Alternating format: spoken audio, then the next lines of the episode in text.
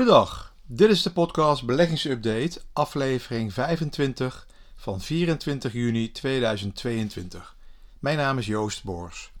Elke week in het kort al het relevante beursnieuws, alles over beleggen en vermogensopbouw. Ook elke week een praktijkcasus of een stukje theorie. Deze week de correlatie tussen rente en inflatie. Nou, de week begon rustig. De Amerikaanse beurzen waren op maandag gesloten vanwege een feestdag de nationale feestdag ter viering van de afschaffing van de slavernij op 19 juni 1865. Verleden week vrijdag wisten een aantal beurzen wel iets uh, te herstellen. Nou, de hele week was weer niet veel met geen duidelijke richting. Een hele, hele, hele saaie beurs uh, deze week. Uh, na twee dagen herstel daalden op woensdag de beurzen in afwachting van de bijeenkomst van de voorzitter van de Amerikaanse Centrale Bank die in de Senaat zijn visie op de economie zal geven. Beleggers maken zich steeds meer zorgen omtrent de economische groei. Nou, dat weten we dus nu. Het bericht dat het consumentenvertrouwen in Nederland naar een nieuw dieptepunt is gedaald, helpt ook niet mee. Nou, woensdagavond dus kwam dan uh, Powell van de Amerikaanse Centrale Bank met zijn toelichting en de Amerikaanse beurs herstelde op zijn uitspraak dat de Amerikaanse economie sterk genoeg is om hogere rentes te kunnen weerstaan. Nou, die uitspraak bracht wel wat verlichting op de aandelenbeurzen, maar niet echt heel veel. Geen duidelijke, nog steeds geen duidelijke richting. En we liggen een beetje zijwaarts uh, te tenderen. Nou, dalende grondstofprijzen drukten gisteren ook uh, de rentes op de Amerikaanse staatsobligaties. De olieprijs zakt weer richting de 100. De gasprijs is ook al behoorlijk gedaald. Ja, er wordt dus nu ook winst genomen op de energiesector. aandelen Exxon, Chevron en Shell zijn wel de winnaars van eh, de beurs dit jaar. Maar na die flinke stijging wordt nu wel wat winst gepakt. Nou, verder is er uh, haast geen bedrijfsnieuws. Het is wachten op de tweede kwartaalcijfers. Die komen ongeveer half juli. Nou, voor beleggers is natuurlijk 2022, daar voelen we allemaal die pijn, tot nu toe zeer teleurstellend geweest omdat zowel obligaties als aandelen ja, meer dan 10% eh, hebben ingeleverd. Uh, aandelen zo'n 15 tot 20%. Een obligatie-benchmark, dus een obligatie-index die gebruikt wordt als referentiepunt, met daarin vooral leningen uit de eurozone, staat dit jaar uh, tot, tot vandaag ongeveer op 14% verlies. Nou, wereldwijde aandelen, inclusief opkomende markten, op zo'n 15%. Dus die MSCI All Country World Index. Ja, alleen de grondstoffen en de energiesector, uh, de energieaandelensector, boden dit jaar de beurs een plekje om te schuilen.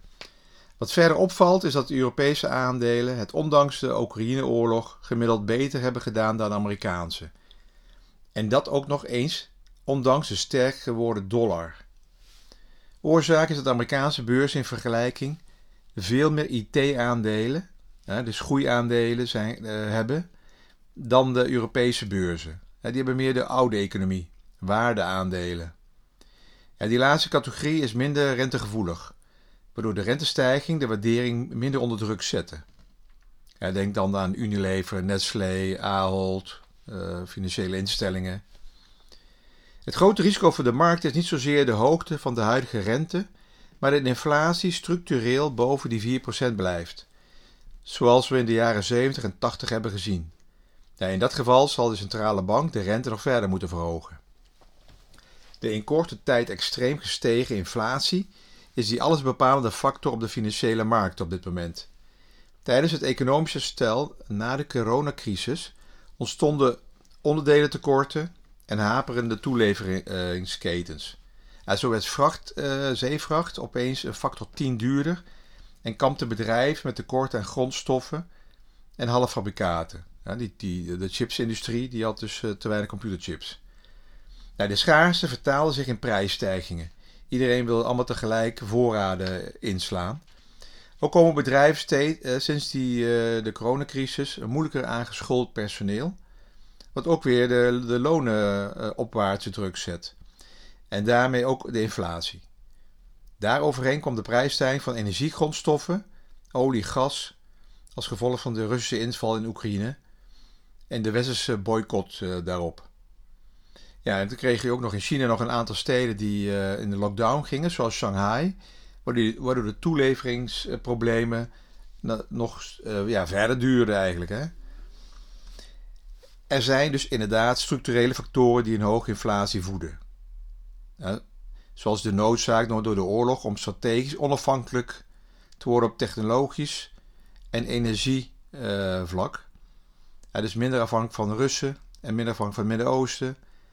Ehm, ja, dat, dat, dat leidt ook tot de deglobalisering. Hè? Ja, wat is er nou nodig om de inflatie te doen dalen en zijn er nog enige lichtpuntjes? Nou ja, volgens de rapport van de Rabobank lijkt dat er volgend jaar een daling kan worden ingezet. De verstoring van die wereldwijde toeleveringsketens neemt af. Nu China weer geleidelijk aan eh, alles opengooit. Het einde van die uh, coronarestricties leidt tot een verschuiving in de vraag van producten naar diensten. Nou, hopelijk blijft dus eh, de, de wereldeconomie open. Krijgen we geen lockdowns meer. Dat betekent dat dan op een gegeven moment die toeleveringsproblemen opgelost zijn. Dus dan is vraag en aanbod weer in evenwicht. Dat brengt uh, die, die vraag en aanbod beter in balans. Wereldwijde chiptekorten zijn, zijn nu al aan het afnemen. de oliemarkten uh, houden rekening met prijzen voor olie die weliswaar hoger liggen dan voor het uitbreken van de oorlog, maar de komende maanden gestaag kunnen gaan dalen. kortom, de factoren die de inflatie dit jaar zo sterk aanjagen, lijken nu een beetje te gaan kantelen. Een lichte recessie en een matige loongroei kan daarbij ook nog helpen. Dus als we een korte recessie krijgen van drie, vier, eh, van, van drie kwartalen maximaal, dat helpt natuurlijk ook om uh, die inflatie te beteugelen. dus dan kan het dan volgend jaar een stuk rooskleurig worden. Nou, inflatie, rente en aandelen beïnvloeden elkaar op korte termijn.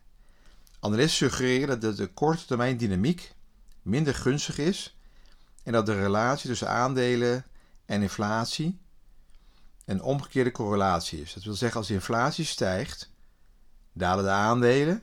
Of als de inflatie daalt, dan stijgen die aandelenkoersen. Het negatieve effect van inflatie op aandelenkoers op korte termijn kan het gevolg zijn van een reeks factoren, waaronder ja, die dalende omzet en winst op korte termijn.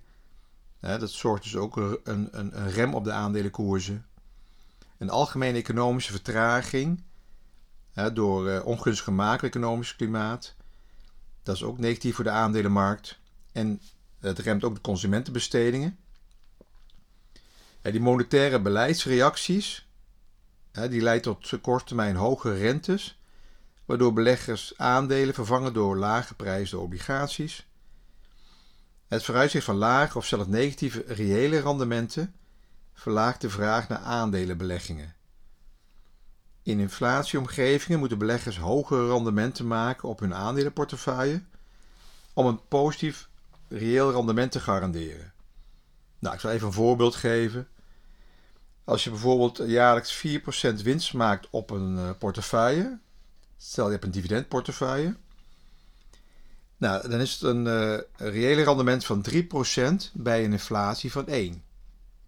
Ja, dus als de inflatie 1% is en je maakt 4, dan heb je een reëel rendement, dus geldgroei van 3%.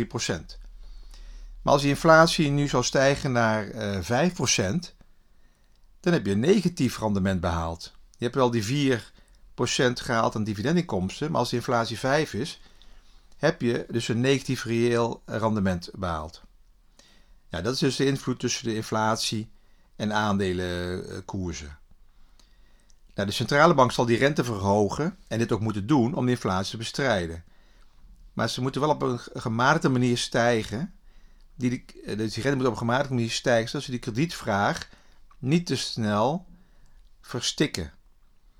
Verder moet de centrale eh, bank duidelijk en gepast communiceren met het publiek om beleggers vertrouwen te geven.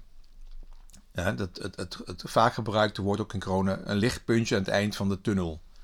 Dus centrale banken moeten ook altijd heel zorgvuldig communiceren, zodat de, de aandelenmarkten daar uh, toch een beetje een punt van, ja, er zit ergens een, uh, een perspectief in. Dus er is een duidelijke correlatie dus tussen rente, inflatie en de beurs. Omdat financiële instellingen, ja, het kost hun meer om geld te lenen verhogen diezelfde financiële instellingen vaak die tarieven die ze hun klanten in rekening brengen om geld te lenen. Uh, individuele consumenten worden dus beïnvloed door de verhoging van bijvoorbeeld hun creditcard of hypotheekrente, vooral als deze leningen variabele rente hebben. Wanneer de rente voor creditcards en hypotheken stijgen, neemt de hoeveelheid geld die consumenten kunnen uitgeven af. Nou, en dat remt dan ook weer de winstgroei van bedrijven en het resulteert ook weer in lagere aandelenkoersen. Nou, consumenten moeten dus rekening nog uh, betalen. Wanneer die rekeningen duurder worden, blijven huishoudens achter met minder besteedbaar inkomen. En wanneer consumenten dus minder geld uitgeven, dalen de inkomsten en winsten van bedrijven. Nou, dat is allemaal in het kort even snel uitgelegd. Dus zoals je ziet, naarmate die rentetarieven stijgen, worden bedrijven niet alleen beïnvloed door hogere leenkosten die ze zelf moeten betalen, maar ze worden ook blootgesteld aan nadelige effecten van die afnemende consumentenvraag. Nou, beide factoren kunnen wegen op economische groei, maar afnemende vraag dus ook lagere inflatie en de winst- en aandelenkoersen. Dus minder economische groei kan invloed hebben op de inflatie. Dan gaat de inflatie weer naar beneden en daardoor kan de rente weer gaan dalen en dan kunnen de aandelen weer stijgen. Dus zo zie je zijn al die factoren met elkaar, die hangen allemaal met elkaar samen. Er zit overal een correlatie tussen. Nou, een kostenpost voor consumenten is ook die stijgende hypotheekrente. Die remt ook de economische groei. De gemiddelde hypotheekrente is in de afgelopen maanden snel opgelopen en gaan inmiddels richting de 4%. Dit klinkt misschien als een verschrikking als je de lage rentes van de afgelopen jaren gewend bent, maar in historisch perspectief normaliseert de hypotheekrente en is deze nog aan de lage kant. In de afgelopen jaren daalden de gemiddelde hypotheekrentes naar een ongekend laag niveau. Hè? In 2015 doken ze onder de 3%, om verder te zakken naar 1% in 2021. Nou, daar hebben we dus afgelopen jaar zo 1, 1,5% zijn zo blijven hangen. Nu stijgt dus eventjes uh, flink. Ja, de rente daalt al sinds de jaren 70. In 1991 Even een verhaal uit eigen, uh, eigen historie. In 1991 kocht ik een appartement in Amsterdam. En betaalde ik 11% hypotheekrente. Nou, die heb ik dus niet lang vastgezet. Ik heb hem voor twee jaar vastgezet. Twee jaar later was deze al gedaald naar 7%. Maar nog steeds veel hoger dan dat we nu betalen. Dus niet allemaal uh, piepen en uh, zeuren. Of een rente van 3%, hypotheekrente van 3%. De extreme lage rente van de laatste vijf jaar is ook een van de oorzaken van die absurde prijsstijging van woningen.